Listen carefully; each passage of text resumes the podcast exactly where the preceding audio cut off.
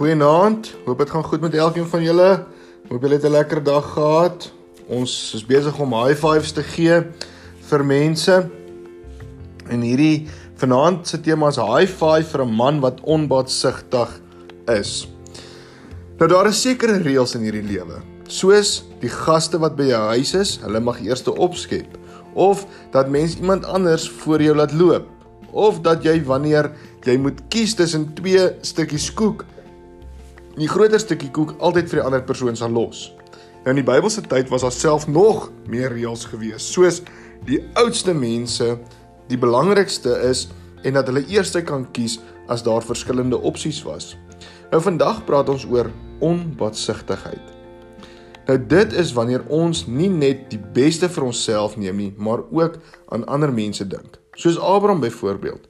Abraham was Lot se oom en die twee het getrek met 'n het getrek om in 'n nuwe land te gaan bly. Nou toe die twee moes kies, het Abraham nie toegelaat dat die jonger Lot eers te kies nie. Hy het selfs nie eers gestry toe Lot die beter land vir hom vat nie. Abraham het nie net aan homself gedink nie, maar aan Lot ook. En daarom kan ons herinner word, daarom kan hierdie storie ons herinner aan ons middelvinger.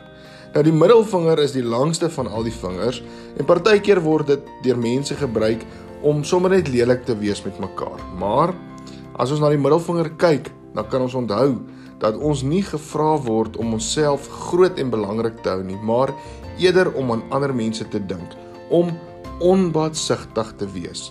Want vandag kom ons en ons kom gee vir al die mense wat onbaatsigtig is 'n high five. Ons kom gee vir Abraham 'n high five wat nie net aan homself gedink het nie, maar so ook aan ander.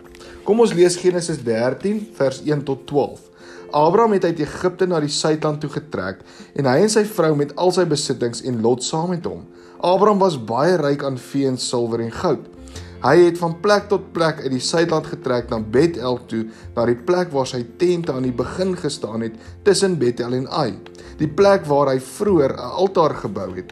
Daar het Abraham die naam van die Here aangeroep. Lot wat saam met Abraham getrek het, het self ook baie klein venbeeste tente vir sy mense gehad. Die land kon nie in Abraham en Lot saam se behoeftes voorsien sodat hulle bymekaar kon bly nie. Hulle besittings was net te veel. Hulle kon nie bymekaar bly nie. Die Kanaaniete en die Ferisiete het ook nog in hierdie gebied gewoon. Daar het toe 'n getwis ontstaan tussen Abraham se veewagters en Lot se. Toe sê Abraham vir Lot: Daar behoort nie 'n getwis te wees tussen my en jou en tussen jou, tussen my veewagters en joune nie, want ons is mos familie.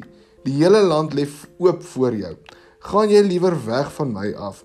As jy links gaan, gaan ek regs, en as jy regs gaan, gaan ek links.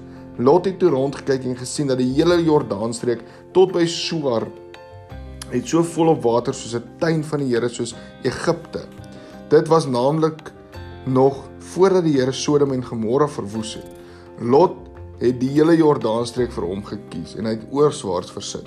So het die twee van mekaar geskei. Abraham het in Kanaan bly woon en Lot het in die stede van die Jordaanstreek gewoon tot by Sodom het hy gaan tente opslaan. Nou daar's so drie vrae. Wat sou jy gedoen het as jy Abraham was of as jy in sy skoene was en jy die geleentheid gekry om 'n stuk land te kies of 'n stuk grond? Hoekom het Abraham opgetree soos wat hy opgetree het?